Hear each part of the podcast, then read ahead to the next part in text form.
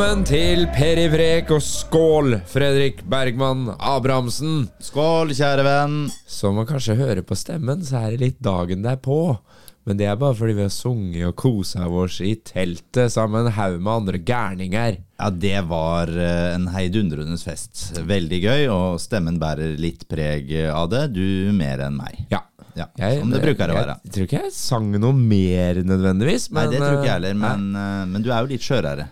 Jeg er skjørere. Det var litt sånn væromslag i går. Ble litt kaldere i lufta. Du er da, det også- tåler ikke nei, jeg. Du var, eh, det var litt trekk òg der, vet du. Vi sto litt Det eh, det. borti der. Ja, så det er farlig, det. Yes, jeg eh, kom jo rett fra Oslo, jeg. I navnefest som jeg var. Så jo kampen under bordet, selvfølgelig. Selvfølgelig. Du var på stadion. Absolutt. Det var jo, som mange sa, du gikk ikke glipp av noe stort. Men så er det jo noe, da, med å være der den dagen hvor FFK faktisk vinner den siste hjemmekampen sin, sender Jerv ned, og du drar rett på fest etterpå for å hylle guttene, for å hylle laget, administrasjonen, treneren, hele pakka. Jeg er jo innmari lei meg for at jeg ikke var der. Ja, det, Alle burde være litt lei seg fordi de ikke var der, de som ikke var der. Men er sånn rent fotballmessig så gikk de jo ikke glipp av en stor eh, match. Jeg hører folk er Jeg opplever kanskje at folk er litt, eh, litt for kritiske, egentlig. Etter matchen. Sånn der, og hvor dårlig kamp det var. Jeg syns ikke det var så innmari dårlig. Vi må huske på at eh, Jerv skulle i hvert fall kjempa for livet. Vi kan komme litt tilbake til det. For det, det Jerv presterte under Lars Bohinen der, og den spillergruppa, og hva de gjorde de siste ti minuttene, og når de kom under, og Det har skjedd noe i den garderoben. den garderoben der må det vi ha vært si. noe veldig snodig som har skjedd, altså. Men la oss starte med utgangspunktet, da. Det sto 10 000 flagg og venta. Kom det 10 000 på stadion? Kom ikke 10 000, det kom 6500. Ja, det er ikke så gærent, det. Nei, det er, jeg syns ikke det er så gærent. Jeg hadde vel eh, både håpa og forventa at det skulle komme rundt åtte. Det var det jeg tenkte. Så det er eh, Fredrikstad-publikummet må sparkes eh, litt i ræva, altså. Det må det. Men det er det nok også litt sånn at det er nok en del som også har vært på fest på lørdagen, som tenker at eh, det er kanskje ok å ta det litt rolig hjemme i, hjemme i sofaen. Kanskje ha en liten eh, sånn en eh, lita bøtte med aspirin ved siden av seg. Litt kaldt var det òg. Men la oss ta laget først, da. Var det noen overraskelser, eller ble det sånn som du hadde tenkt uh, i siste kampen? Uh, ja, hvis du spør meg, så er det jo alltid noe, men det Tom, ut fra Thomassen og hans prioriteringer før i år, så er det klart Jeg syns ikke det er så store overraskelser. Du kjører jo selvfølgelig med Håvard i mål, og så er det eh, Mats Nilsen og Maxwell som er stoppere. Og så var det vel åpent om det skulle være Kvile eller Aukland som skulle ha den siste. Det ble Kvile. Det er vel greit å få gitt han litt spillertid. Han er jo klar permanent for Fredrikstad denne Ja, Det er her. jo på en måte nyheten, at uh, nå har de henta inn Kvile permanent. Ja, det, her visste, det visste vi jo også kom til å skje, så det, det var jo ikke noe sånn sett noe overraskelse. Men det er en god, det er en god signering av Fredrikstad. En spiller som kan bli, bli virkelig god, og en som kanskje også kommer til å være bedre på et høyere nivå, tror jeg.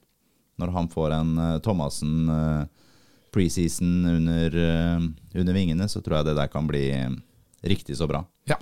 Og ellers så er det jo som det har stort sett vært. Stray Molde og Metcalf på bekkene. Ja.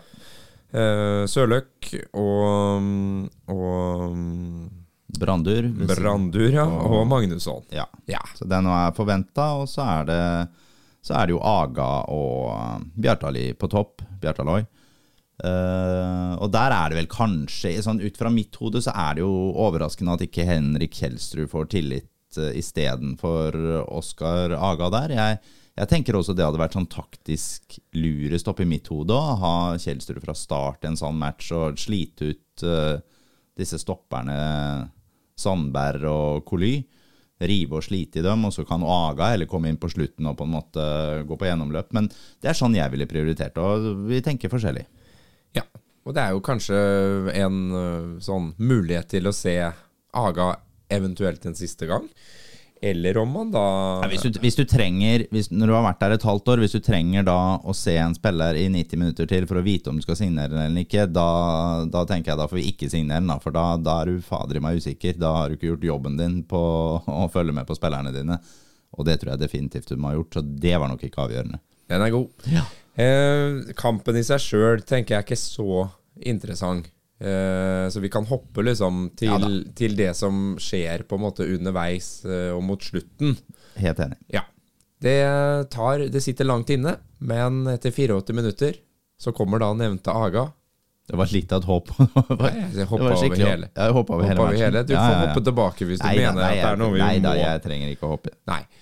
Eh, for det tror jeg ikke folk er så veldig opptatt av akkurat i dag. Det er så mye annet vi skal preke om. Vi skal kåre årets FFK-er, vi skal se på Obos-laget, vi skal se på motstanden som har gått opp og ned. Og, ja, Ja da, det er mye å ta tak i. det er mye å ta tak i. Eh, Så på det 84. minutt så, så kommer en målgivende fra Patrick Metcalf eh, til Aga. Der ser du viktigheten igjen, da. At, eh, at disse wingbackene våre klarer å komme seg rundt, komme seg til dørlinja og legge inn eh, 45. Det er eh, veldig ofte det som trengs når du spiller et sånt system. Og Patrick Metcalf gjorde en god kamp og gjorde en meget god assist og et enkelt tap-in-mål for Oscar Aga, som skal ha for at han er på riktig sted til riktig tid. Rett etter det så gjør man jo noen bytter. Det er uh, Conté som kommer inn for Sørløk. Det er Henrik Kjelsrud som kommer inn for Aga. Og det er Håvard Aasheim, da, uh, i sin siste kamp for Fredrikstad fotballklubb, som kommer inn for Brandur Henriksson. Ja, eh, FFK gjør jo tre bytter der på, på slutten. De har jo allerede satt inn Aukland for hvile etter 65, eller hva de gjorde. Eh, jeg skulle Jeg må jo si at jeg tenker på en dag som dette her, så skal ikke jeg henge meg opp i veldig mye småting, altså. Men jeg, jeg syns det er verdt å nevne likevel at jeg, jeg syns det er en rar handling. Jeg syns én ting er at byttene kommer for seint. Uh, det her er en kamp som er, ikke betyr noe for Fredrikstad. Det er ikke sånn at laget fungerte optimalt. Så jeg mener at byttene kunne fint ha kommet tidligere. Og jeg mener at det at ikke vi setter inn i hvert fall enten Tim Bjørkstrøm, kapteinen, eller Ludde Begby, den lokale profilen, i en kamp på slutten når vi ikke bruker opp alle byttene. At ikke det siste byttet kan bli brukt på å gi en liten boost til en av de to. Enten om det er å hylle kapteinen, eller om det er å gi den lokale profilen fem, seks, sju, åtte, ti minutter på slutten. Det syns jeg faktisk er litt sosialt dårlig kampledelse. Er et merkelig valg, jeg er helt enig i det. Vi må huske på det at det å bygge fotballklubb og, og bygge, bygge stall, da er det godt å ha kynisme, og det har vi snakket om hele veien. Og det er viktig med dette her og at ikke man skal ha snillisme inn i bildet. Det er jeg helt enig i. Det her handler ikke om snillisme. Det handler om å være sosialt klok, og det mener jeg man ikke var i den situasjonen der. Uh, hvis jeg skal komme med en liten sånn en pekefinger til, så syns jeg det er en veldig fin hyllest av, eh, av Håvard Aasheim. Syns det er tråkig at ikke klubben ga Ricky en blomsterbukett, en litt større oppmerksomhet før matchen. Det ble veldig mye Håvard, som er vel fortjent, men Ricky har tross alt over 100 kamper for klubben. Han har vært med på hele oppturen. Jeg skulle ønske at han også kunne ha blitt satt litt mer pris på overfor publikum. Jeg er helt enig. Ja. Eh, For å ta Jerv, da. Eh, For det som skjer de siste minuttene, altså egentlig hele kampen, er jo eh, noe merkelig. Her har vi altså et skadeskutt dyr, som vi har snakka om mange ganger, som kan bite fra seg en siste gang og sikre plassen i Obos-ligaen. Ja, Vi må huske på det at dette laget som, eh, som Jerv har her, det er eh, spillere med masse eliteserieerfaring. Det er et godt fotballag. Det er et sånn kvalitetsmessig eh, lag som ikke hører til i bånn der i hele tatt. De hører vel heller med kanskje blant de tre, fire, fem beste. Eh, den taktikken Jeg, jeg, jeg fikk snakka litt med noen Jerv-folk der, eh, i hvert fall som er litt rundt dem, at eh, tanken var nok å på en måte holde, holde så lenge som mulig og følge med på Hud-kampen, og så gå all in siste ti minuttene. Det var, var visstnok uh, den taktiske kampplanen. Ja, og den ryker jo når eh, Aga da skårer etter 84 minutter. Ja, men det er flere ting du må ta tak i da. Hvis det er, hvis det er planen du er, du er, jo nødt til å vinne. Du er nødt til å vinne den matchen hvis ikke Hødd skal tape med flere mål da, mot Ranheim. Ja, for men, det sto om ett målpoeng, eller? Det var noe sånt. Så, så det, men poenget er at jeg syns det er merkelig at du ikke i utgangspunktet satser mer offensivt. Men det som skjer da etter at Fredrikstad skårer, altså etter 84 minutter, da er det jo ca. 10 minutter igjen med spilletid. Man satser jo ikke skikkelig offensivt Arthur. Da må du ha to mål for å overleve i en divisjon. For meg så hadde det jo selvfølgelig vært opp med keeper i hver eneste dødballduell. Det hadde vært trøkk inn i boksen, presse ned. Det ser vi jo uansett om det er et Obos-lag som møter et uh, eliteserielag i cupen. Så ser du at de klarer likevel å legge press på de siste minuttene hvis det står om ett mål. Det er det mest tannløse, kjønnsløse, idiotien av taktikk jeg har sett. Her, den taktikken som uh, Lars Bohinen kommer med inn her, eventuelt om spillerne på en måte rett og slett driter i det. Det, er, det virker ikke som det er noe hjerte der. Sjokkert av den oppførselen som Jerv kom med. Det var en eh, dødballsituasjon der etter ja, jeg vet ikke hva det kan være, 88 eller noe sånt. Og da er det rett og slett, istedenfor å der presse inn i boksen, ligger de gode, mange som ligger utafor 16-meteren. Det ser ut som det er Det er ikke noe vilje. Det er ikke noe vilje. Det ser ut som det er Det står 0-0 i en eh, vanlig eliteseriekamp, eller Obos-ligakamp nummer 14, og det er helt greit at det blir eh, uavgjort. Det er sånn det ser ut. Resultatet er de rykker ned. Jeg, det er Herre min, jeg er glad ikke jeg er Og det hadde jo vært mye bråk i, i forkant òg. Det har jo tydeligvis vært en krangel mellom eh, Samuel Pedro og Bohinen. Han starter jo på benken, altså toppskåreren til Jerv. Kanskje den eneste som kunne sikra eh, at de holdt seg. Ja, Samuel Pedro har starta på benken i alle de tre kampene under Bohinen. Uh, kommet inn uh, når det har gjenstått 20 minutter. Jeg vet jo ikke noe mer om hvor skada eventuelt uh, Pedro er, men det en sånn type Et sånt aktivum som han er, da, så er det Da får du heller bare sjans, ta, ta en sjanse, og så får han i hvert fall få 45, tenker jeg. Jeg, jeg, jeg, det, er veldig, det, er veldig, sjelden at man ser en sånn type oppførsel av et lag i en kamp som er så avgjørende. Men for Fredrikstad så det blir jo, en, det blir jo et veldig sånn Det blir et, et, rart bilde vi ser på slutten med ett lag som på en måte har gått opp og feirer og ja, ja. har vunnet ligaen med 64 poeng, og så har du det andre laget som står i andre enden og også hadde mål om å gå opp, som da går ned, og klubben uh, ikke ligger med brukket rygg, men den ligger i hvert fall med noen skader i hofta og noen knær som ikke funker. Men nå glemmer vi Jerv. Nå ja, går vi til stemninga som var på stadion i, i det fløyta blåser av, eller dommeren blåser av. Ja, eller blåser inn nå, for jeg må jo si at jeg, jeg får jo litt sånn Det er jo eliteserietakter over, over byen der. Det ser jo ut som en eliteseriearena. Eh, det er deilig å se rødhvite farger, og det er deilig å se flagg og, og hele biten. Jeg håper at åpningskampen blir like rå, bare med fullsatte tribuner ja. til, til våren. Det er, det, er sin, det, er, det er, noe på gang i Fredrikstad. Én ting er at det skulle vært flere publikummere der. Det tror jeg kommer når Eliteserien er der. Jeg vet jo det at det er veldig mange nye sesongkortkjøpere, som i hvert fall jeg kjenner, som ikke har hatt sesongkort på ti år, som nå har kjøpt seg sesongkort igjen til både seg og kona og Masse folk jeg har preka med, ja. som sa i neste år skal vi på stadion. Ja. Så det, jeg, jeg tror vi har noe Vi har noe stort i møte. uh, på arrangement og tribune. Og så håper jeg at eh, sport virkelig er med på det, og det tror jeg vi kommer til å være. Gøy. Da tar vi spillerbørsen, og så skal vi preke litt om festen. Perfekt. Håvard Grøntvedt Jensen. Det er ikke mye han har å gjøre i dag. Håvard har lite å gjøre. Han gjør også null feil. Uh, har noen gode involveringer, så tenker jeg han detter ned på en sekser. Mm. Tenker du det er greit? Mm. Jeg syns det er ålreit, det. Patrick Metcalf han gjør en meget uh, bra match. God, god kamp på, på vingbekken der. Målgivende pasning. Yes, for en syver. Banens bestemann. Null feil. Kan ikke tas på noen ting. Har fullstendig kontroll. Gjør ikke noen sånne nonsjalante eh, involveringer som vi kan ha sett noen ganger. Han er bunnsolid. Mats Pilsen for Nilsen Nilsen. Pilsen er for Nilsen Ja, det er nydelig. Ja. Uh, han, allikevel så Jerv legger jo ikke noe sann press på, så han kan ikke dette ut med en åtter eller nier, men han får en meget sterk syver. Banens beste. Sigurd Kvile, god, trygg, bra. Seks. Maxwell, seks. Stian Stree Molde vil gjerne se en enda, enda mer å komme rundt på kant. Hæ? Jeg savner det.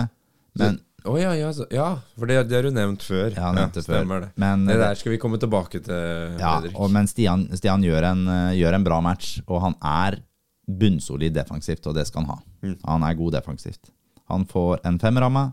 Julius Magnusson har sett den bedre. Skulle ønske at han klarte å ta større plass i det offensive spillet.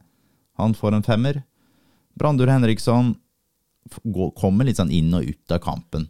Uh, han er jo også en av de spillerne som jeg tror kommer til å bli bedre i Eliteserien. Jeg er ganske sikker faktisk på at han blir det. Ja. Han får også en femmer. Sondre Sørløk. Gutten er dessverre helt ute av form, virker det som. Han, uh, han sliter med touchen, kommer ikke ordentlig inn i duellene. Timer løpa sine litt feil. Det blir, han havner litt på etterskudd og blir litt sånn halsende etter i mange, mange situasjoner. Får en firer. Johannes Bjartali gjør en øh, helt ok match. Vi har sett den mye bedre. Eh, Men det blir jo mye oppmerksomhet på Johannes. Jeg skjønner jo at han, det kan bli litt mye for han òg. Han får en femmer. Oskar Aga, målskårer og matchvinner, får en femmer. Aukland får nok spilletid til å få en sekser. Eller så kommer Kjelsrud, Conté og Aasheim inn og gjør en god jobb, men spiller for lite til å bli vurdert. Kjære Håvard Aasheim, siste kamp på Fredrikstad. Synd du ikke fikk det målet der på overtid. Det var jaggu nærme. Men Tenk takk for gode elleve år. Da han skåra i første kamp og siste Det hadde vært gøy. av sesongen. Ja, det hadde vært morsomt. Vært en perfekt avslutning Hadde for vært eh, veldig bra. Endte på 262 kamper. 262 kamper. Fikk jo drakt av klubben eh, før, eh, før match. Ja. Ja. Fantastisk. Er fantastisk. Håvard har gjort en fantastisk flott jobb for Fredrikstad. Har vært en meget god ambassadør for Fredrikstad fotballklubb gjennom sine sesonger.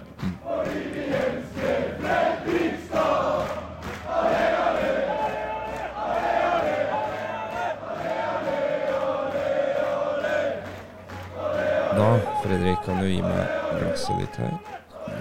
Streker deg bra, du. Jeg strekker meg bra. Sånn. Champagnen tok vi jo i går, Vi tok champagnen i så, går, vi. så det er en, uh, en liten moët. Ja. Men uh, Og den trengs ikke noen anmeldelser, på en måte. nei, nei, kan ikke nei. preke om det. Vi kan ikke så mye om champagne heller, Nei, egentlig. det var godt.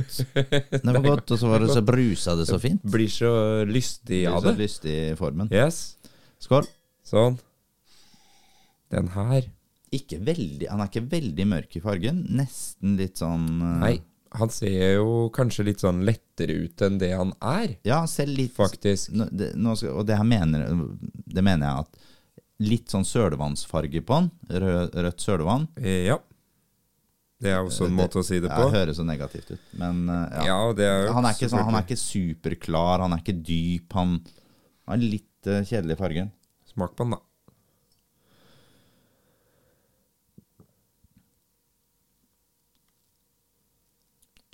Røde bær, roser og fiol. Det var helt, fanta helt fantastisk vin. Den er god. Ja, den er god. Det er en barbaresco. En øhm, det, Dette er jo rett og slett Når du er ute og reiser, så er det et helt eksepsjonelt godt kjøp på taxfree-en. Aha, Og det er den her. ok. Til 289 kroner. 289 på taxfree-en. 400 på polet. Den var god, altså. Den er god. Uh, jeg kan jo ikke uttale det. Antikk kantine di Marge, Få se på den. Marchesi di Barolo. Marchesi di Barolo. Marchesi di Barolo. Jeg legger den ut Antici på kantine. Jeg skal legge den ut på Periprek på Facebook-sida vår. 2018. 2018. Dette er en opprykksvin. Ja, vet du hva, den her var meget, meget god. Mm. Veldig god. Espen Østerhaug, Espen Engebretsen, Joakim Heier. Kjøp inn noen sånne og ha, ha på lur på kontoret når dere skal begynne å signere både sponsorkontrakter og spillekontrakter framover, for dette her, eh, det var en god vin. Kan være lurt, det. Litt krydder inn, vet du. Litt sånn uh, florell, sier de vel. Florell, vet du. Nei, vet du hva, dette her, dette her var bra. Det her tror jeg jo Det her tror jeg er en vin for de fleste. Ja, det tror Kan jeg si det sånn? Og, og det er en sånn Ja, en, en skikkelig Du merker at du drikker noe litt spesielt. Det er jo Nebbiolo-drue. Mm. uh, som jo er kjent for å være eh, veldig bra. Og så kommer det jo fra Piemonte, da. Ikke sant? I Italia. Det er jo et uh, sikkert område når du skal kose deg. Nei, her er det bare å kjøpe og fylle opp vinskapet, folk. For dette her eh, Dette var en eh, Det var en god flaske med rødt. Rett og slett. Vi skal gå videre, og vi skal preke om årets spiller. Ja. Årets FFK-er. Årets FFK-er, ja. Eh, og etter hvert årets Obos-lag. Da kommer vi jo inn på andre lag og spillere også. Men du har jo kjørt en børs gjennom hele sesongen. Jeg Har det. Og der er jo sånn at eh, tallenes tale er det som til slutt bestemmer. Tallenes tale bestemmer. Det her har jo vært Vi har jo hatt øh, øh, disse kåringene noen sesonger nå. Det er vel tredje, dette her. Ja. Og vi må, jeg må jo bare si det at det har ikke vært i nærheten av å være sånn som det har vært i år. Det har jo vært helt enormt jevnt. Jeg sa det vel for et par runder siden at nå ligger det fem spillere som ligger likt. Helt, da, da var det helt likt. Identisk, tre desimaler, helt likt. Herre måned. Ja. Uh, og det, så det, det er jo innmari gøy. Og det, det, det gir jo også Det bærer jo bud om at det har vært en sesong hvor det har vært laget som har stått i fokus, og ikke enkeltspillere. Det har ikke vært en sesong som eh, 2021 med Ishmael, der han var den soleklare stjerna i laget som bærte hele laget på, skuldre, laget på skuldrene sine. Sånn har det ikke vært i år. Det har vært veldig mange spillere som har spilt en stor rolle til å ta Fredrikstad dit de er i dag. Og alle ledd, tenker jeg. Eh, du har liksom Forsvaret, ikke sant? Du har eh, Nilsen, du har Magnusson foran der, og du har Bjartaloi, som alle har liksom vært Og Håvard Jensen som bakerste bakerst i kassa. Absolutt. absolutt så, så i alle ledd, da, Ja. så har du på en måte eh, fire litt sånn eh, profilspillere, på en måte, som ja. har vært Du ser jo hvor, hvor mye har ikke betydd når Magnus, de gangene Magnusson har vært borte. Ja, ja, så det har på en måte laget falt litt sammen, på Ja. et vis.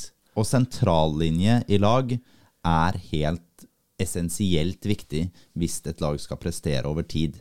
Et, en spiller kan bære et lag i 1, 2, 3, 4 kamper, men over 30 kamper så trenger du en sterk sentrallinje. Sånn er det, og det, det er jo det vi har snakket om mange ganger òg, at vi har mangla denne sentrale midtbanespilleren som kan være hjertet i laget. Vi har mangla sekseren, og det har vi gjort i Skal vi være helt eh, historieløse, men å si at vi har mangla det nesten siden Casey Wehrmann, eller? Ja, da mener jeg ikke- ikke jeg Casey Wehrmann som assistenttrener, men Casey Wehrmann som spiller. uh, for uh, Nei, og sånn har det vel vært. Det har vært mange gode inn, og Roger uh, Risholten var jo innom og gjorde en god jobb en stund. Christian Berg var innom litt, grann, men mye skada. Det, det har, vi har aldri fått fram den klare spilleren som kan styre midtbanen etter Casey. Mm. Og det har vi nå i vår venn Julius Magnusson. Ja. Og så har vi andre spennende spillere òg, som har eh, satt sitt preg på sesongen. Men, Absolutt. men eh, og, og det er jo sånn Johannes Bjartaløy har vunnet nå de store prisene. Til og med årets spiller i Obos-ligaen. Ja, han er jo kåret av de tre, tre eh, store kåringene. Han Har jo vunnet alle sammen som Ja. årets spiller. Og vi kan bare høre Obos. på åssen det var i går når han ble hylla.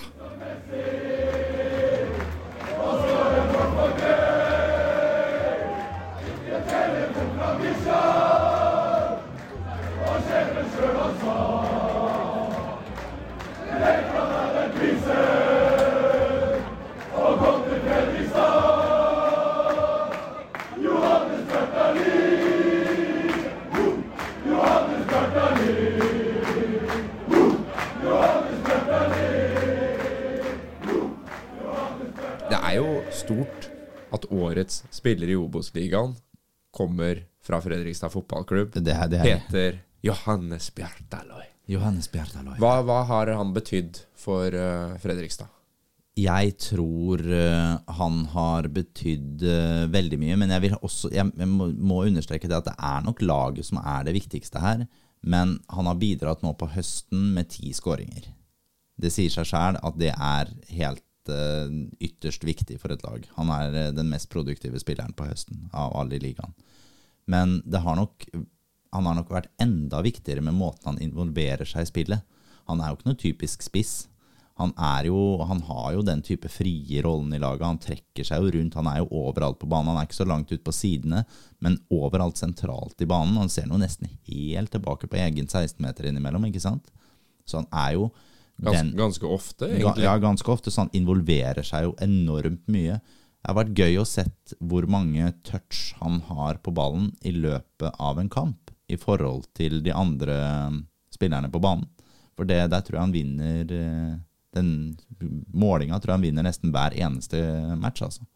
Og en- en, en dødballsfot, da, som er eh, Ja. Ja, det er en, han, er, han er knallhard, kompromissløs og har et dødelig venstrebein.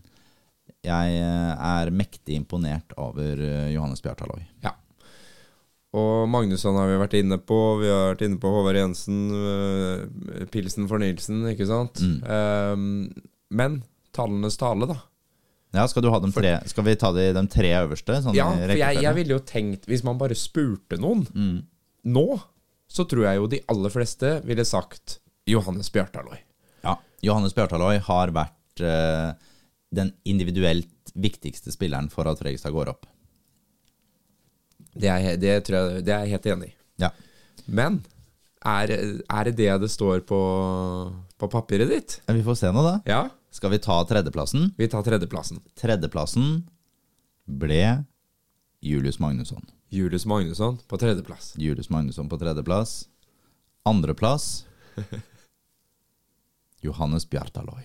Johannes Bjartaloi på andreplass. Ja. Ja, da Han er ørlite grann bak vår danske venn Mats Pilsen for Nilsen Nilsen. Mine damer og herrer, Periprex, årets spiller, er Mats Nilsen. Mats Nilsen er vår årets spiller. Vi har tatt ut fra børs. Han har vært den jevnt over beste spilleren i eh, 2023. Jeg syns eh, Mats har Han har kanskje gjort et par matcher som har vært litt under paret, men ellers har han vært helt enormt god. Han har vært tryggheten selv, han har vært hjertet i Forsvaret. Vi så det litt når han var ute, hvor mye dårligere Fredrikstad var da. Jeg må si, Mats Nilsen, du er gull verdt bak der. Jeg syns det er vel fortjent. Nå har uh, Bjartali blitt kåra de tre store kåringene. Da fortjener Mats å få en av de litt mindre her. Og ja, det er ikke helt så liten, den prisen her. Nei, jaggu ikke så liten. Nei, jeg syns det, er- det har vært imponerende det, det Mats har gjort. eh, og det, det jeg er mest kanskje imponert over eh, med han, er jo Altså, vi, har, vi etterlyste jo en del ting før sesongen. Uh, vi har alltid digga Mats Nilsen. Men som du sa, konsentrasjon, den derre lederskapsgreia. Kanskje det var litt mye av kapteinsbindet, de tinga der. Og så virker det som det falt noe på plass, og det har han jo for så vidt sagt eh, i intervjuet sjøl òg, om Michael. Uh, det kravet som ble stilt til han. Ja, men se, se på den matchen her. Nå er det klart, nå, nå skjønner jo Erlend Hustad i den uh, Jerv-kampen at han kan ikke gå i dueller med Mats Nilsen, for det er, der er han sjanseløs.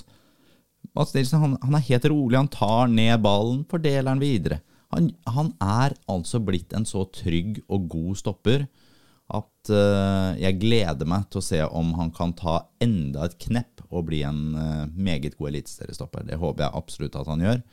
Eh, Men som sagt, det er flere her som fortjener hyllest, for det her har vært en eh, lagseier for et meget, meget godt og stabilt lag. veldig viktig å understreke det. At det, er, det har jo etter hvert i sesongen blitt Det starta med bakre rekke, på Ja. en måte, med Håvard bakerst, selvfølgelig, som også har vært eh, ekstremt viktig.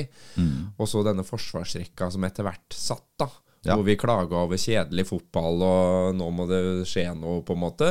Ja, hvis, også, vi, hvis vi, tar, vi, må, vi må huske på det da, hvis vi tok børsen. Vi tok jo en liten oppsummering til sommeren, Ja. hvem som lå der, og da leda jo Håvard Jensen. Vi må huske på det. Ja. Håvard Jensen leda børsen til sommeren. Uh, nå skal det jo også sies at Håvard skulle jo ikke avsløre, nå gjør vi det, Håvard ligger på fjerdeplass på børsen, så han er fortsatt høyt oppe. Ja. Uh, men den, det fundamentet vi la på vårsesongen der, med den ekstreme stabiliteten bak, det har vi på en måte glemt litt. Og det er vanskeligere, eller det er ikke så ofte i hvert fall, at forsvarsspillere og keepere får den hyllesten de egentlig fortjener. Trygghet bakover gir muligheter framover. Det skal bringe oss over på årets lag etter hvert. Eh, Men vi må jo preke om én ting først, for TV 2 har jo kåra sitt årets lag. Ja. Der er Håvard Jensen som keeper. Der er Mats Nilsen, vår uh, nummer én-spiller på laget. Uh, Bjartaloy er med. Og Stian Strei Molde. ja. Ja. Og der er det jo uh, både folk som har skrevet inn, og folk som kom bort uh, til meg i går eh, på fotballfesten og sa at eh, ja, Stian Strei Molde endte på årets lag i Obos-ligaen. Hva tenker dere om det? Eh, mente vi hadde gått hardt ut mot eh, Stian Strei, spesielt eh, du, da. ja. Eh, som har uh, spilt de aller fleste uh, FFK-kampene denne sesongen. Og spørsmålet er jo uh, Er vi litt farva av vår entusiasme for Ludvig Begby? Hvor glad vi er i Ludvig Begby, og at han er et bysbarn? Svaret er ja. Svaret er ja. Svaret er ja. Vi er litt farga av det. Um, jeg skal prøve å forsvare både Ludde, Stian og meg sjæl litt nå. Uh, og det er Og så skal jeg angripe litt. Uh, årets uh, Sånn som man setter opp laget der, da, så er det rett og slett sånn at vi har hatt uh, tilnærma null venstrebekker og venstre vingbekker som har utmerka seg i Obos-ligaen i år. Så det er nok den plassen som på en måte har vært vanskeligst for TV 2 å sette opp. Nettopp pga. at det har, det har vært veldig, veldig få spillere som har, har gjort uh, mange målpoeng eller har utmerka seg veldig. Og der har jo Molde skåra vel fire mål. Ja, har det. Absolutt. Ganske, Eh, ganske unikt til ganske- venstre bekk å være. Ganske unikt til venstrebekk å være. Det har aldri vært min intensjon å ta Stian Stree Molde voldsomt. For det, og det har jeg prøvd å si. Og jeg syns Stian er en god Obos-ligabekk. Det, er noe- det er ikke noen tvil om det. Jeg mener bare det at du, hadde, du får mer av Ludde Begby. Så det er ikke sånn at jeg syns Stian er dårlig fordi jeg syns Ludde er god. Skjønner du forskjellen? Jeg skjønner, jeg bare jeg, syns jeg skjønner forskjellen. jeg syns det er sånn at når vi har blitt så offensivt gode som vi har blitt utover sesongen, så tror jeg at vi hadde klart å kompensere for de defensive manglene til Ludde med, med stopperne våre. Jeg tror det, men det er min personlige mening. Eh, Stian Stree Molde, kjempeflott for han at han kom på årets eh, lag, Obos-ligalag av Kåreta kåret av TV 2. Og ja, nei, jeg tror vi kan si at han har gjort en god sesong. Han har spilt fast på venstrebekken på et lag som går opp, så da har de jo gjort en god sesong. Og har jo passa inn i et Thomassen-system. Han må jo på en måte ha levert det som Thomassen eh, så etter, og ønska på det tidspunktet, i hvert fall. Eh, det der med å bygge det fundamentet bak. Ikke sant? Og der er du, der er du innpå noe. Uh, han er ikke en uh, mosaikkflis, han er en uh, betongflis. Og det er kanskje akkurat det vi trengte for å få den tryggheten vi har hatt i år.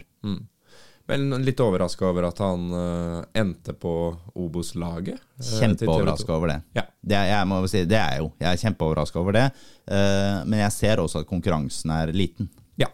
Vi gidder ikke å gå inn på resten av det laget. Vi går på ditt Vi gjør ikke det når vi har vårt eget. Nei, vi går på ditt lag, vi, Fredrik Bergman Abrahamsen. Det er det vi gjør. Eh, det er vel ingen hemmelighet at eh, bakerst i kassa så har det vært én spiller som var den soleklart beste keeperen på vårsesongen. Og så har han vært én av en tre, fire, fem eh, keepere på høstsesongen. Men totalen blir at Håvard Jensen er det selvfølgelige soleklare valget som keeper i, på årets lag i Obos-ligaen. Yes. Eh, Jeg har satt opp laget mitt ellers i en Skal jeg kalle det en 3-5-1-1-formasjon. Ja, skikkelig sånn Fifa-formasjon skikkelig. For har- å få med nok uh, få- offensive Ja, det er litt sånn Jeg har rett og slett droppa bekker i hele tatt. Så det er, det er på en måte Her er det bare vinger. De er ikke bekker i dette systemet, så dette er offensivt. Men det hadde, dette laget her hadde vunnet eh, Obos-ligaen likevel. For de hadde ikke trengt å være så defensivt gode, for de er så offensivt fantastiske. Ok, den trioen som står bak der, er eh, selvfølgelig Mats Nilsen. Det er Luke Mares, startspilleren. Og det er Tønnesen i Koffa, som jeg syns har tatt store steg. Er hvor gammel er han? 19 eller 20? Kjempe, kjempespiller. Eh, Den eh, trioen sentralt på midten er eh, Metler fra Raufoss. Det er Magnusson fra FFK. Og det er Robin Rask fra Koffa. På offensive vinger Claudio Braga fra Moss. Samuel Pedro fra Jerv. I tierrollen selvfølgelig Johannes Bjartaløy. Og på topp Obos-ligaens toppskårer Benjamin Stokke. KBK. Er ikke gærent lag, det der. Er ikke gærent lag, det Ingen der. fra KFM. I, to fra KFM. K ja, Ja, ja, både Tønnesen og Rask. ja, ja, ja. Eh, jeg tror uh, jeg kan fint stå innafor dette laget her. Årets trener? Årets trener i, elit, eller i Obos-ligaen, det jeg har ikke kåra det. Jeg ser jo at uh, Obos-ligaen sjæl har uh, kåra Johannes Mosgaard til årets trener. Ja, med forutsetningene, da. Det, det, er helt, det er helt umulig å ikke kåre Johannes Mosgaard til årets trener i, i Obos. Det, det går ikke an å kåre noen andre. Koffa har uh, hatt et helt annet budsjett å jobbe med. Og så kan du si at presset har vært veldig mye mindre da, på Johannes Mosgaard enn det har vært på Michael Thomassen. Uh, hvis det er en av de to trenerne som uh, kommer til å trene en Premier League-klubb noen gang, så kommer ikke han til å hete Johannes Mosgaard. Det er helt, helt sikkert.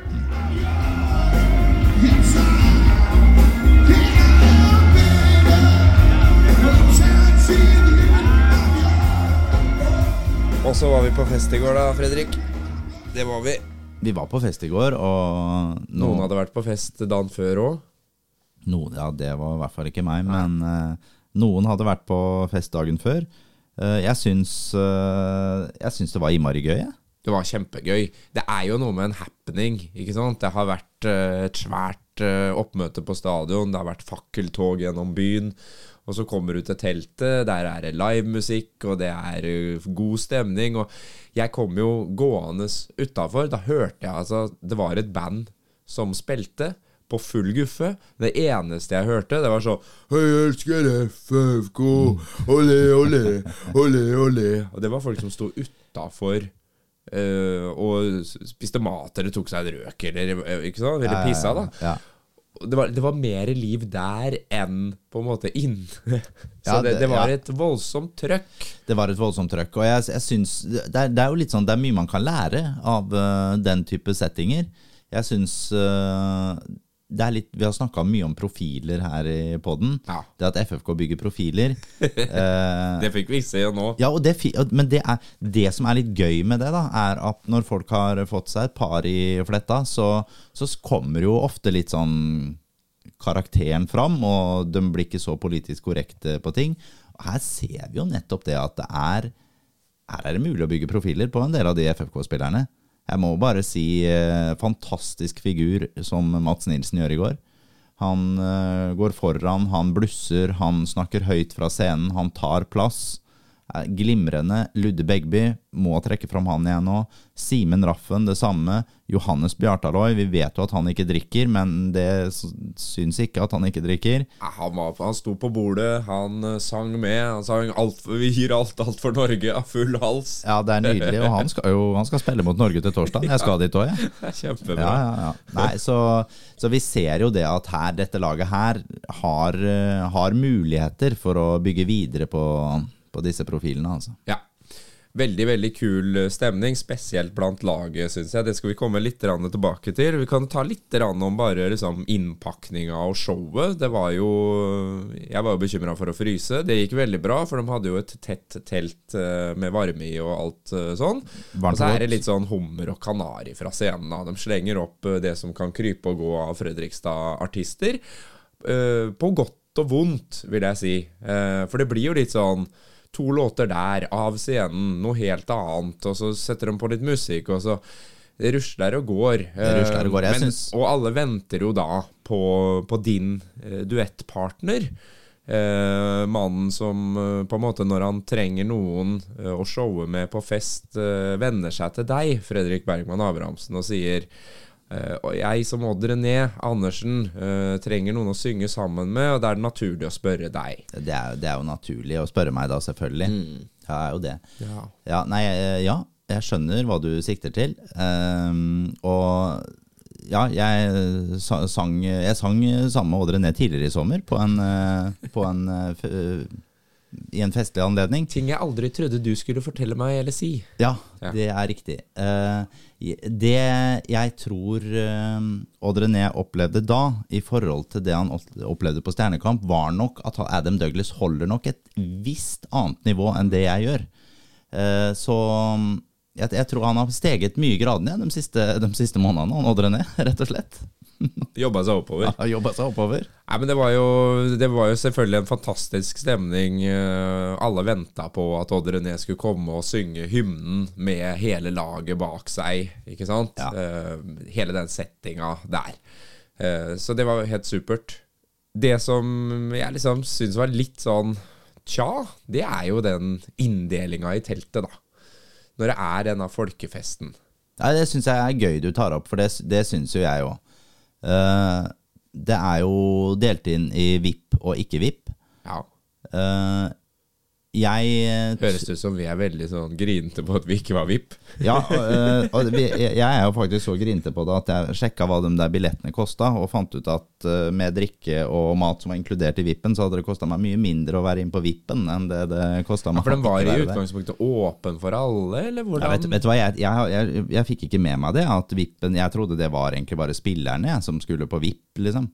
Eh, men jeg syns VIP-en er eh, Jeg syns ikke, ikke den skal være der. Jeg syns det blir et uh, veldig teit skille. Det er et gjerde midt i lokalet. Jeg syns det legger en demper på, på festen. Jeg syns det blir akvariumslogikk. Uh, nei, jeg syns uh, det der uh, syns jeg var meget feilslått, den inndelinga der. Det her skulle vært en åpen fest som skulle vært eh, uten gjerder og ikke med vakter som står midt i lokalet. Jeg er helt enig, og så skjønner jeg liksom kanskje behovet Eller hvis man hadde et behov for det, så tenker jeg det er for å skjerme spillerne fra at øh, gærne fans blir for innpåslitne. Absolutt. Men da kommer vi tilbake til dette med profilene og våre fantastiske spillere, da. Og apparatet rundt òg, med Espen Østerhaug og Jostein Lunde og hele gjengen, som jo var mye mer ute blant folk og rundt omkring enn inne på dette såkalte VIP-området. Eh, Så, så det er ikke noe til Det er ikke det er til ikke no- noe til klubben eller de som var der, eller de som representerte eh, for klubben. Det er til arrangør og måten det er løst på, rett og slett. Ja, jeg syns det, eh, det er bare honnør til alle involverte i klubben. Da mener jeg alle. Jeg opplever ingen som noe høye på seg sjøl, og jeg opplever alle tilgjengelige og folkelige innad i klubben. Og som du sier, problemet er at det er et forbanna gjerde der. Det, det, ser litt, eh, det ser litt teit ut. Og det håper jeg klubben til en annen gang da, kan si at hvis vi skal være med på noe sånt som dette her, så er ikke, det er ikke det aktuelt. Hvis det skal være folkefest, så får det jaggu være folkefest òg. Helt riktig.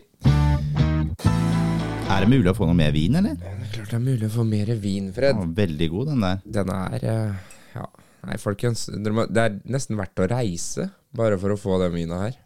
Ja, vet du hva, når eh, Jeg har jo en flaske til, og så ser du, ser du bort på benken der, så ligger det en eh, sånn liten Det er ikke akkurat en kartong, men det er en kasse med P.A. Larsen. Oi, se der, du. Ser du den? Det Der, ja. Nå Rett- ser jeg den. rett der, ja. foran deg Der, der. ja. Så gærent. Ja. Den er, eh, den er heller ikke dum, skjønner du. Den er ikke den, dum. den må ligge et par år, da. Ja, Kanskje to, tre, fire år. Ja. Og så, så når vi Si at, si at vi vinner Eliteserien, da, når vi tar og åpner den der. Jeg sa du kunne skulle ligge i to år, da? Jo. Da kan vi ikke åpne den til neste år, da? Nei Optimist. Jeg er optimist. Nei, eh, Barbarescoen her, eh, Joakim Eier, du skal jo ut og reise nå, for du skal jo signere noen spillere spillere fra det store utland. Absolutt. Eh, så da syns jeg du skal Skal til Nigeria, han. Han skal jo en tur til Nigeria, eller i hvert fall til Øst-Europa et sted. Mm. Eh, og så skal du jo hente noe, og da syns jeg rett og slett på, Stopper du på taxfree-en, og du går ikke av veien for å smugle en 10-15 sånne flasker, du da. Rett ned i kofferten, gjennom tollen, ta med ned på kontoret og kose dere litt. Og fortjener en liten fest nå før jul, gutter. Helt nydelig. Lars Magnus eh, Johansen han har sendt inn spørsmål til eh, Periprek på Facebook. Er det noen fra Obos-ligaen dere tror FFK har sett seg ut som potensielle signeringer? Og tror dere FFK ser ut av landet på nye signeringer? Det tror vi jo. Det tror vi absolutt. Og så kan vi jo bare konstatere én ting. og Også, er- Vi må jo si det, men han spør jo om hvem, om han tror vi ser på i Obos-ligaen nå. Og det, det, tror jeg, det tror jeg vi gjør. Og det, det handler om å Hvis vi skal bruke penger, altså kjøpe spillere under kontrakt, så er det tilnærma umulig i Eliteserien hvis det ikke er noen som på en måte klubbene ønsker å bli kvitt. Og da må vi se til Post Nord og Obos-ligaen hvis, hvis vi ønsker det. Og da, Vi har jo snakket om en, og han tror jeg jo hadde passa godt inn. og Det er Binni Willumsson. Han tror jeg hadde vært en eh, meget god forsterkning. Vi kan jo si, Det er mange som har vært gode i Obos-ligaen i år. Jeg tror jo sånn som Vi har snakka en del her om eh, Loris Metler f.eks. Jeg tror nødvendigvis ikke han er en spiller som Fredrikstad hadde ønska å bruke penger på å hente inn. For jeg tror ikke han har det nivået der at han kommer til å bli god for Fredrikstad i Eliteserien, selv om han er veldig god for Raufoss i Obos-ligaen. Binni Willumsson han kan fint ta nivået og bli en meget god eliteseriespiller. Så det er, det, er en, det er en forskjell der, selv om uh, det er Metler som er på årets lag i, i Obos-ligaen. Mm. Eh, ja, du svarte jo på halve spørsmålet. Nå skal du få resten. Ja, Hva skjer med Lima og Noah Williams? de eh, kommer til å bli jobbet hardt for at de blir solgt ut av klubben. Lima kan det jo være at Helsingborg eh, har en type opsjon på, eller har en Ja, at man har en intensjonsavtale, i hvert fall, om at han kanskje kan fortsette å være der for en viss pengesum. Han har gjort det ok. Jeg ser han får ganske god omtale i Helsingborg, altså. Så det ser jeg ikke bort ifra at kan bli noe av. Og så Noah Williams har jo hatt en ok høstsesong for et meget trøblete Skeid-lag. Er nok mulig å få ut litt penger for han, men overhodet ikke like mye som vi ga for han. Men han har ingen framtid under uh, Michael Thomassen. Der er vi jo tilbake på ser man ut av landet, ikke sant? For dette er jo på utenlandskvota. Og er på man kan ikke ha spillere som ikke skal spille eh, fast, eller være bankers forsterkninger av laget.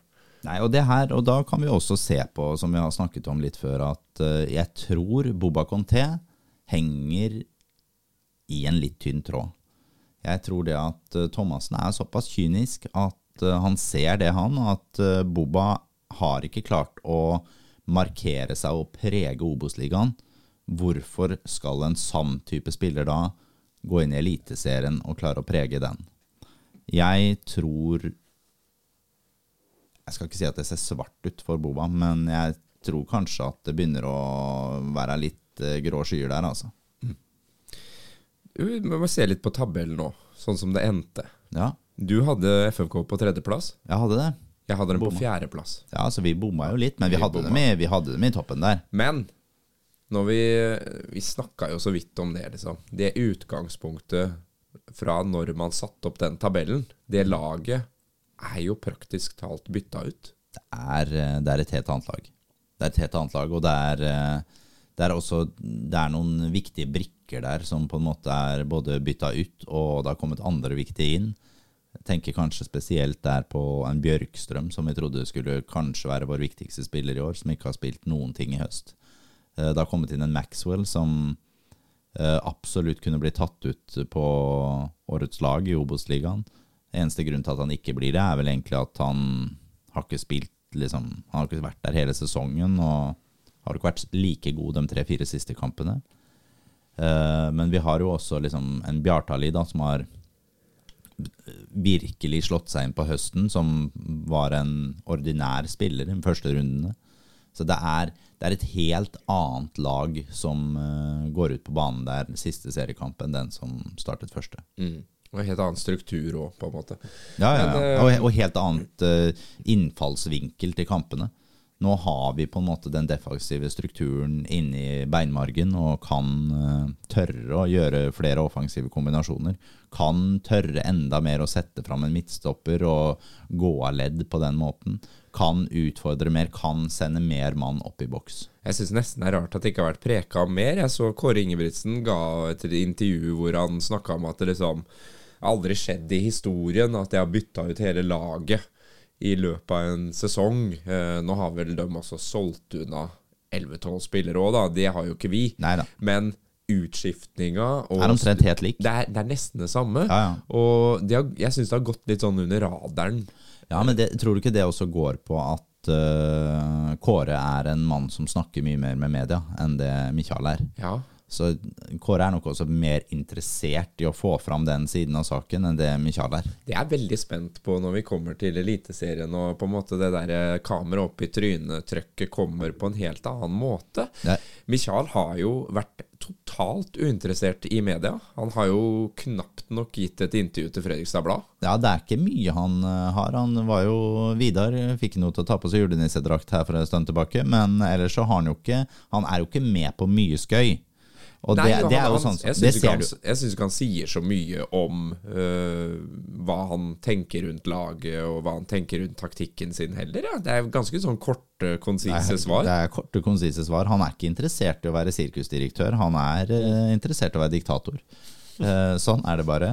Uh, han, men det ser du jo litt sånn på festen, eh, festen i går òg, så er det jo det er jo en mann som eh, virkelig beholder fatningen og er eh, rolig, men tar veldig, veldig liten plass. Han tar ikke ordet, han, han står ikke fram, han.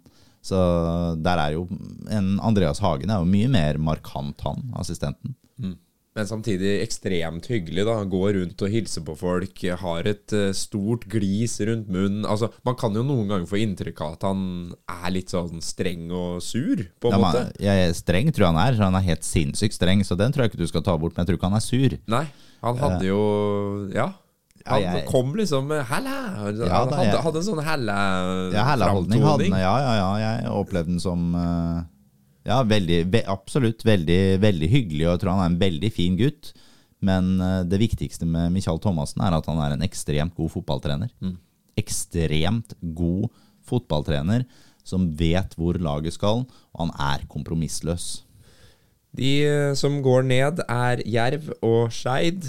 Eh, Tragi, jeg syns det er tragisk. Jeg synes det er tragisk at uh, Skeid går ned. Jeg driter i Jerv, for der virker det som den spillergruppa har eh, gått helt i oppløsning, og det skal ikke være mulig. Jeg vet jo at uh, HamKam gikk noe ned i når var det, 2008, tror jeg. Da gikk de ned fra daværende tippeligaen og ned i annendivisjon i løpet av samme som Jerv har gjort nå. Eh, Men den reisa skal ikke være nesten mulig å gjøre i en nåtidens fotball med de økonomiske musklene som Jerv har. Så det er, det er innmari dårlig styring. De fikk seg en skikkelig på kjeften når eh, Sandstø dro i sommer. Eh, Og uten han så var det en klubb som ikke hadde ja, De har ikke styring. De ansatte Eirik Kjøne, Eirik Kjøne som ja, Det er et innmari dårlig valg. Uh, ja, nå bør vi ikke si noe mer om det. Det er et eh, rart valg å ansette også Lars Bohinen for de tre siste kampene. Så det her er uh, dårlig håndverk av Jerv. Skeid syns jeg er veldig synd at skal dette ned til Post Nord. Jeg tror det blir vanskelig for Skeid å komme seg opp igjen. Eh, de har ikke de økonomiske forutsetningene for å gå opp.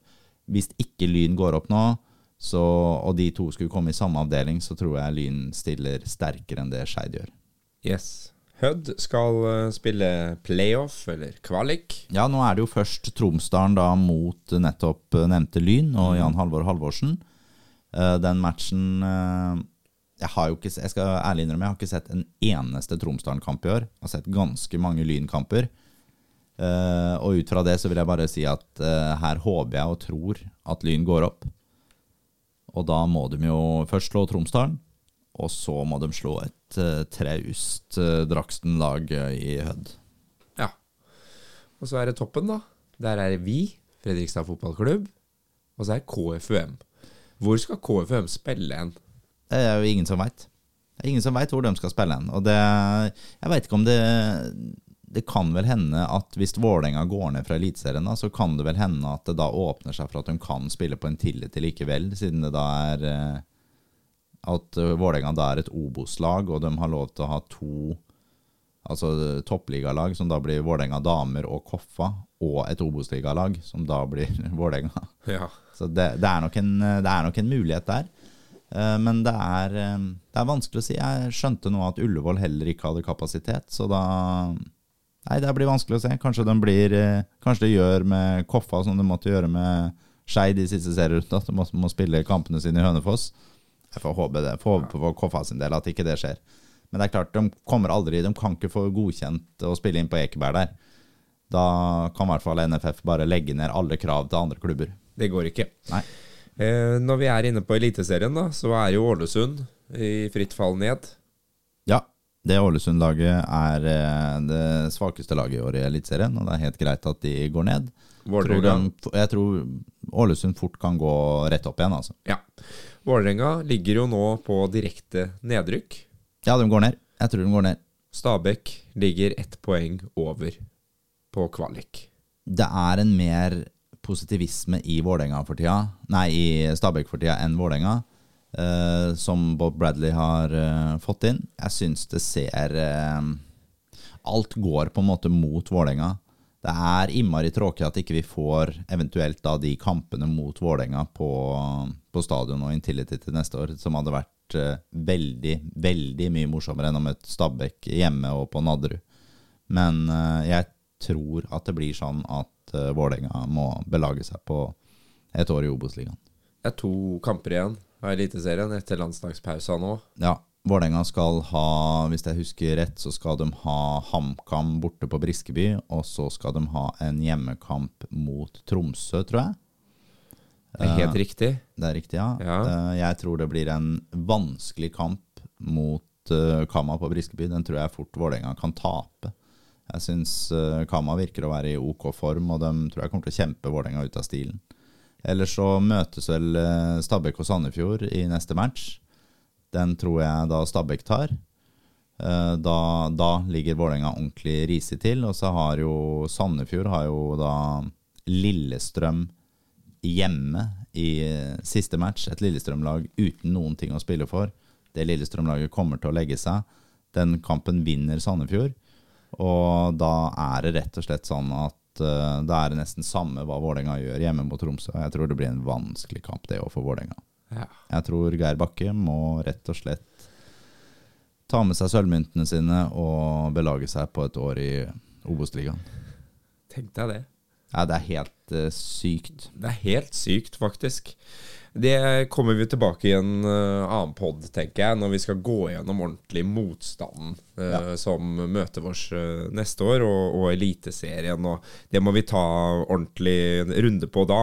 Ja da. Men det skjer jo nå ekstremt mye, og i et ganske høyt tempo i klubben.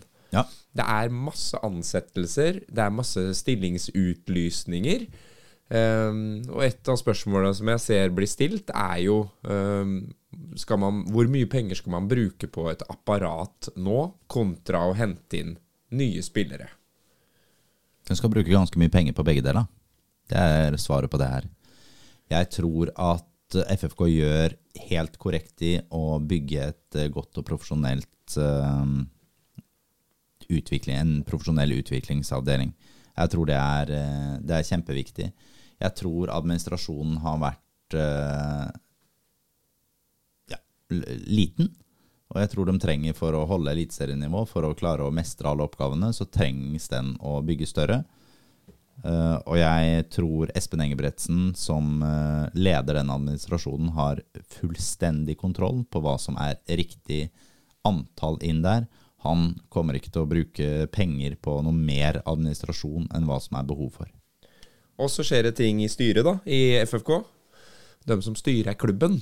Jostein Lunde er valgt inn. Han er nå den lengstlevende eh, styrelederen i Fredrikstad fotballklubbs historie. Lengst levende, det høres dramatisk ut. Eh, Altså som styreverv, da. ja, ja. Eh, Jostein Lunde, FFK kunne ikke hatt en bedre leder enn Jostein Lunde. Han fortjener klapp på skuldra og all honnør for den jobben han har gjort. Han er folkelig, tilgjengelig, og så tror jeg jammen han kan jobben sin innmari godt òg, og det er, eh, det er akkurat det vi trenger. Ellers så er det jo litt sånn, det er vel, hva heter hun, Tina Skagen, er det det hun heter? Tror jeg. Er ikke hun leder av eh, direktør i Fredrikstad Energi? Det tror jeg du har helt rett i. Jeg tror jeg. Hun skal vel inn i styret, og så skal eh, Magnus Fredriksen inn i styret. Han er vel eh, direktør eller CEO eller eh, BCO eller GSIF, eller et eller annet i verkstedet. Han, han har i hvert fall uh, roller innen uh, flere ting, og bl.a. kjøpesenterutbygginga, da. Eh, Ja. Hvis jeg skal jeg skal, ikke, jeg skal prøve å ikke mene så mye om allting.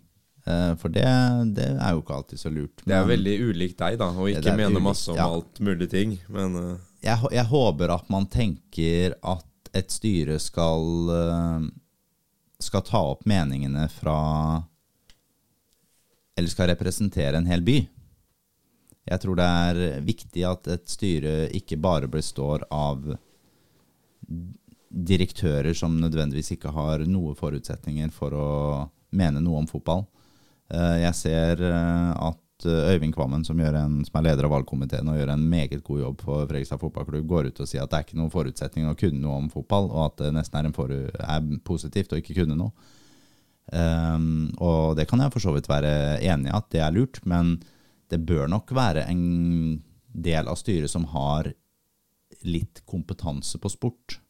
Vi har snakka om før, før så har Espen Østerhaug sittet der, som også har på en måte sittet roller innen, innen sportens verden før. Vi har hatt en Tor Tronsen som har sittet der. Vi har jo nå en Glenn Rostad som sitter der, som på en måte er sportsansvarlig i styret. Eh, jeg skulle kanskje, kanskje ønska meg en person til fra en annen del som ikke nødvendigvis er direkte opp mot direktørroller i næringslivet.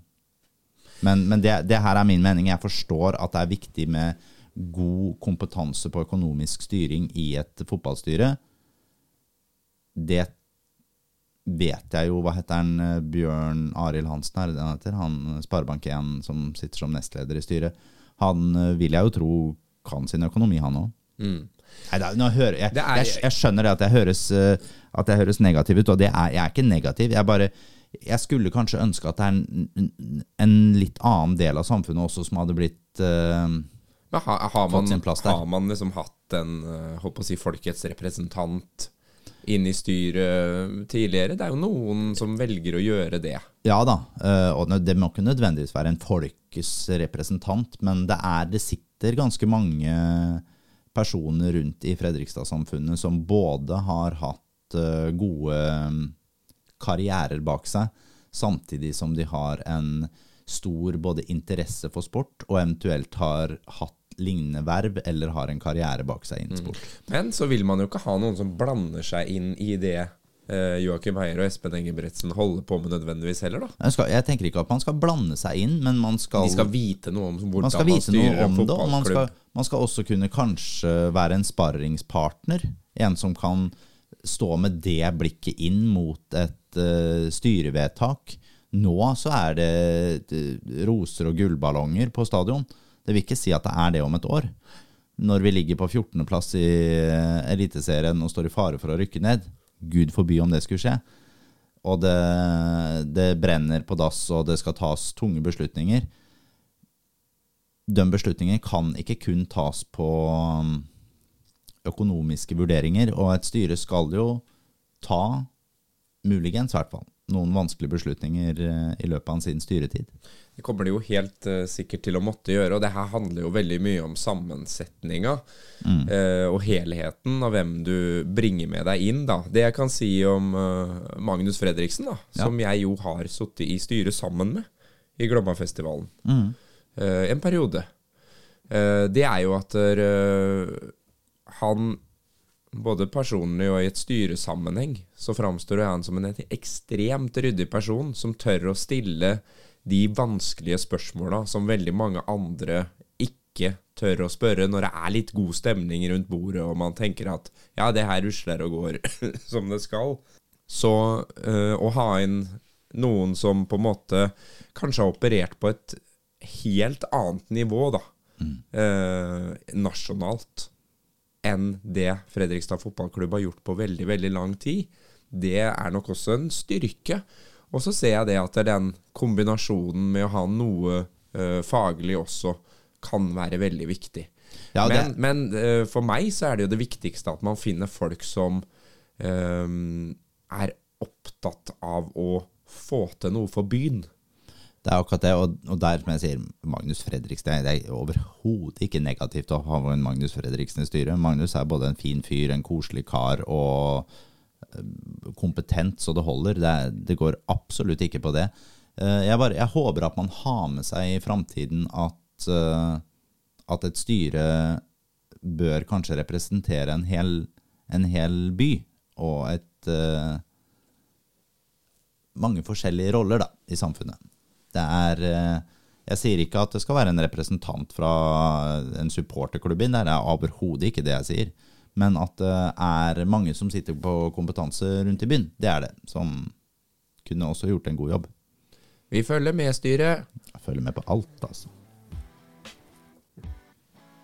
Helt på tampet så tenkte jeg vi må ta bare sånn kort status. Eh, Håvard Jensen har fortsatt ikke signert ny kontrakt i FFK. Eh, det bare bemerker vi.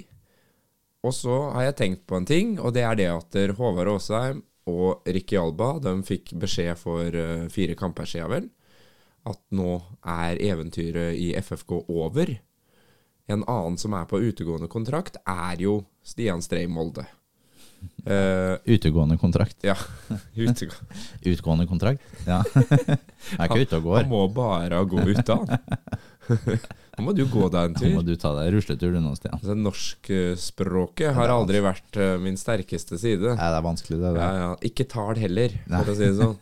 Nei da. Men ja, du er eh, veldig god på mye annet. ja, Kommet deg langt i livet, tusen du. takk. Mm. Stian Strei, jeg tenker jo at der, eh, hvis, hvis det var oppklart og vedtatt at, at han skulle ut, så hadde han fått beskjed samtidig som Ricky og Håvard. Ja, klart at Stian Stree har fått tilbud om ny kontrakt. Tror det. Ja, selvfølgelig. Men det må jo flere inn. Så, Ja, jeg, jeg, jeg tror jo som sagt ikke at uh, Stian er ikke tiltenkt uh, førstevalget på venstrebekken han i norsk eliteserie. Eh, og det går ikke på at ikke jeg meg si det, at ikke jeg syns han er god nok. Det, det tror jeg ikke han er god nok til, rett og slett. Jeg tror han er en veldig fin stallspiller, og han kan fint eh, være spiller nummer 15-16 han for FFK, men jeg tror nødvendigvis ikke han kommer til å spille fast i norsk eliteserie, og jeg tror FFK kommer til å være på jakt etter en ny venstreback. Ja, og da har du vel et nytt navn på lur, da? Jeg kan, jeg kan godt ta et nytt uh, Slenge ut et navn. Råde skulle trenger å selge unna noen spillere. Rådet trenger å selge unna litt. Nei, de satser jo for fulle mugger igjen. Stakkars. Ja, men uffa uff meg. Ja ja, sånn er det. Nei, vet du hva, da skal jeg virkelig gå, go high, da. Ja, Skal vi til Premier League, da? vi skal hente en venstreback fra Premier League. Ja, Det liker jeg. det liker jeg òg. Ja. nei, vet du hva, det er rett og slett en venstreback i Leeds. Som uh, ja, Nå er de jo ikke i Premier League heller, de er jo jaggu championship. De var i Premier League i fjor. Uh, men det er en mann som heter Leo Gjelde. ja. Mm. Han kommer ikke med i Leeds-troppen mer under Daniel Farke. Han må komme seg bort fra Leeds. Han er helt umulig selvfølgelig for Fredrikstad. Har ikke 30 millioner å kjøpe en spiller for. Men det er nok mulig å få til en god låneavtale med, med Leeds på Leo Gjelde. Og han er nok en spiller som kanskje hadde også passa litt i Thomassens system. For vi må, vi må ikke tro noe annet enn at FFK kommer til å komme inn i Eliteserien nå med ganske hva skal vi si, defensive bein. Disse wingbackene kommer ikke til å gå så forbanna høyt. Eh, Så at vi skal kjøre med en wingback på jeg tror han er 1,89 eller 1,90 eller sånn, hadde kanskje ikke vært det dummeste å gått for Jon Olavs eh, sønn. Og han har vært, eh, han har vært god for Rotherham, og han var god når han var i Skottland. Han er fortsatt bare 19 år. kanskje ikke det hadde vært det dummeste å gjort et eh, lån fra Leeds på Leo Gjelde. Prøvd å få til det. Kickstarta virkelig karrieren hans. Hadde blitt schwung over den overskriften der. Den hadde blitt schwung over. Ja, det er gøy. Ja, vet du hva, jeg, jeg tror på en måte ikke Jeg tror ikke det er, jeg tror ikke det er en umulighet heller, egentlig. Nei. Skal vi si Leo Gjelde, da, eller? Leo Gjelde på venstrebenken. da. Slenger ut den i dag. Stian Strei som backup. Det er Ja, ikke dumt, det. Og så backupen der igjen er uh, Ludde Begby, da. Fy søren. Tenk deg det. Her kommer vi!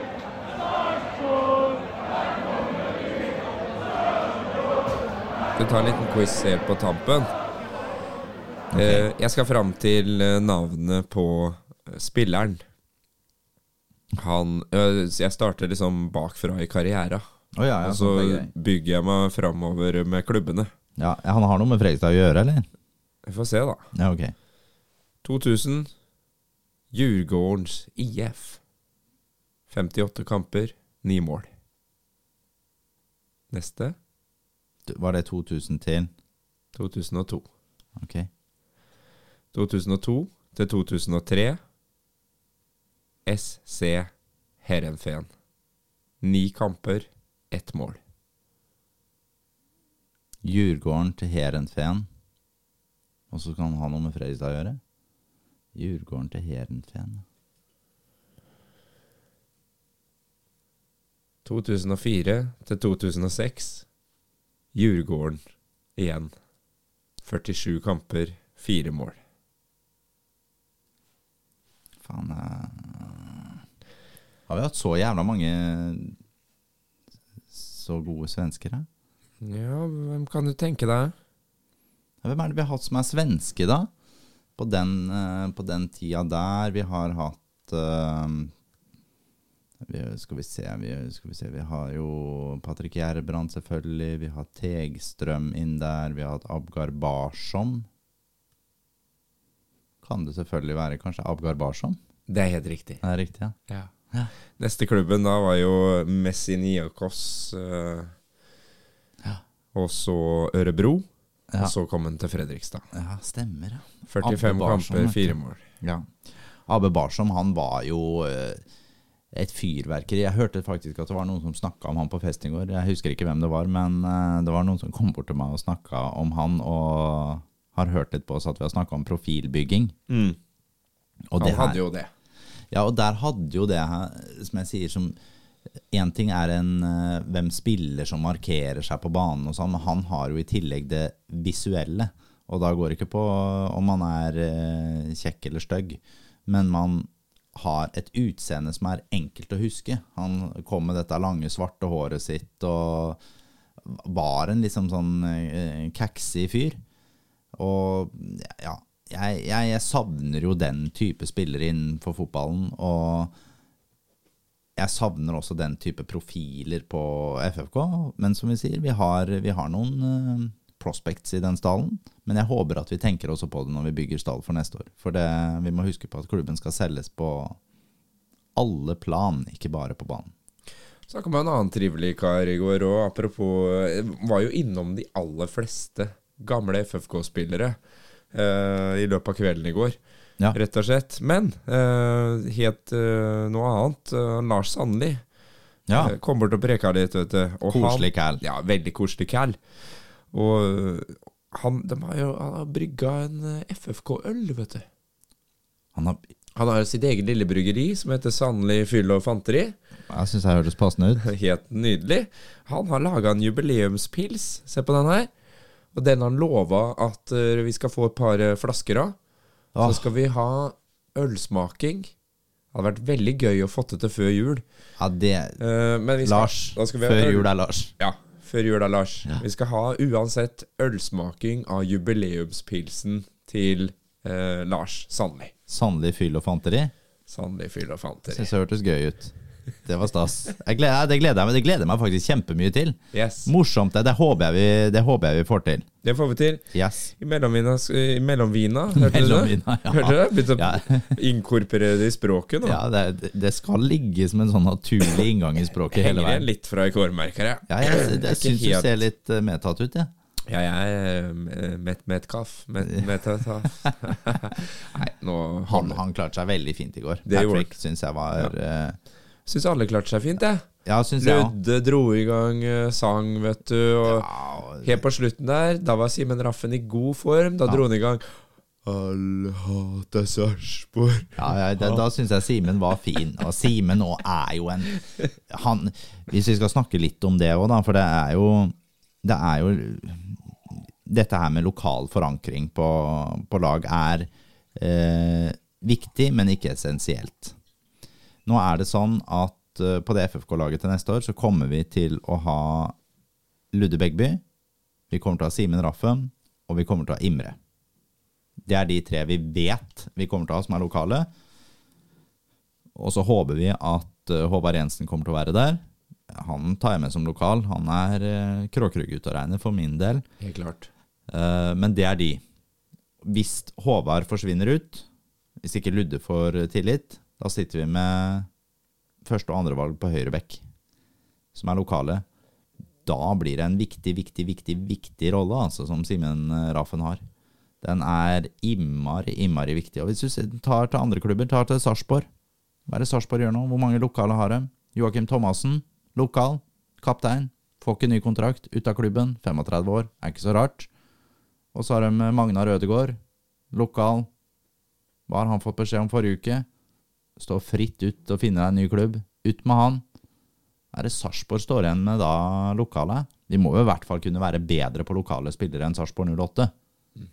Det må vi, det må vi jobbe for, rett og slett. Vi bør kunne klare å være bedre enn et lag uten ryggrad. Det bør vi kunne. Men eh, det er liksom en som eh, vi har jeg har lyst til å avslutte litt med Callen sjæl. Ja, da skjønner jeg hvor du vil. Michael Thomassen. Michael Thomassen. Eh, det er Den reisa han på en måte har tatt med FFK på fra han kom inn. Ja, og da, det tror jeg du har Da bruker du riktige ord, og så vet jeg at det er eh, et utvanna uttrykk for man sier det i alle realityshow, at man har vært med på en fantastisk reise. Men Michael Thomassen har vært med å omdanne den klubben her, går det an å si det på den måten. Han har satt noen krav som ikke Fredrikstad fotballklubb noensinne har hatt før. Når det kommer til treningskultur, når det kommer til profesjonalitet. Han er hard og tøff, og i enkelte tilfeller så tror jeg det er helt på kanten til hva som er eh, bærekraftig for en eh, arbeidsstokk og spillergruppe. Men jeg syns at det han har gjort i år med en sann type klubb, det, det fortjener all mulig hyllest, og jeg er helt sikker på at Michael Thomassen han blir lagt merke til nå i veldig mange andre byer i både Norge og det store utland enn bare Fredrikstad. Han må vi klare å holde på for alt det er verdt, for han fortjener all mulig hyllest.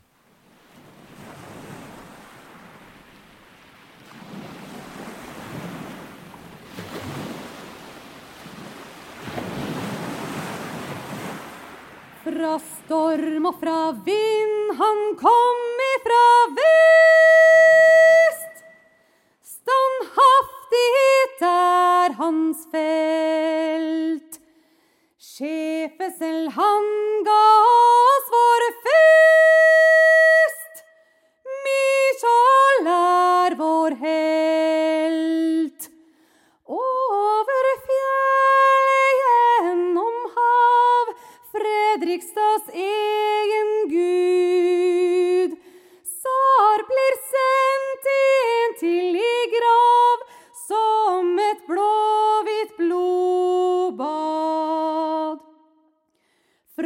Storm og fra vind, han kom ifra vest. Standhaftighet er hans felt. Sjefen selv han ga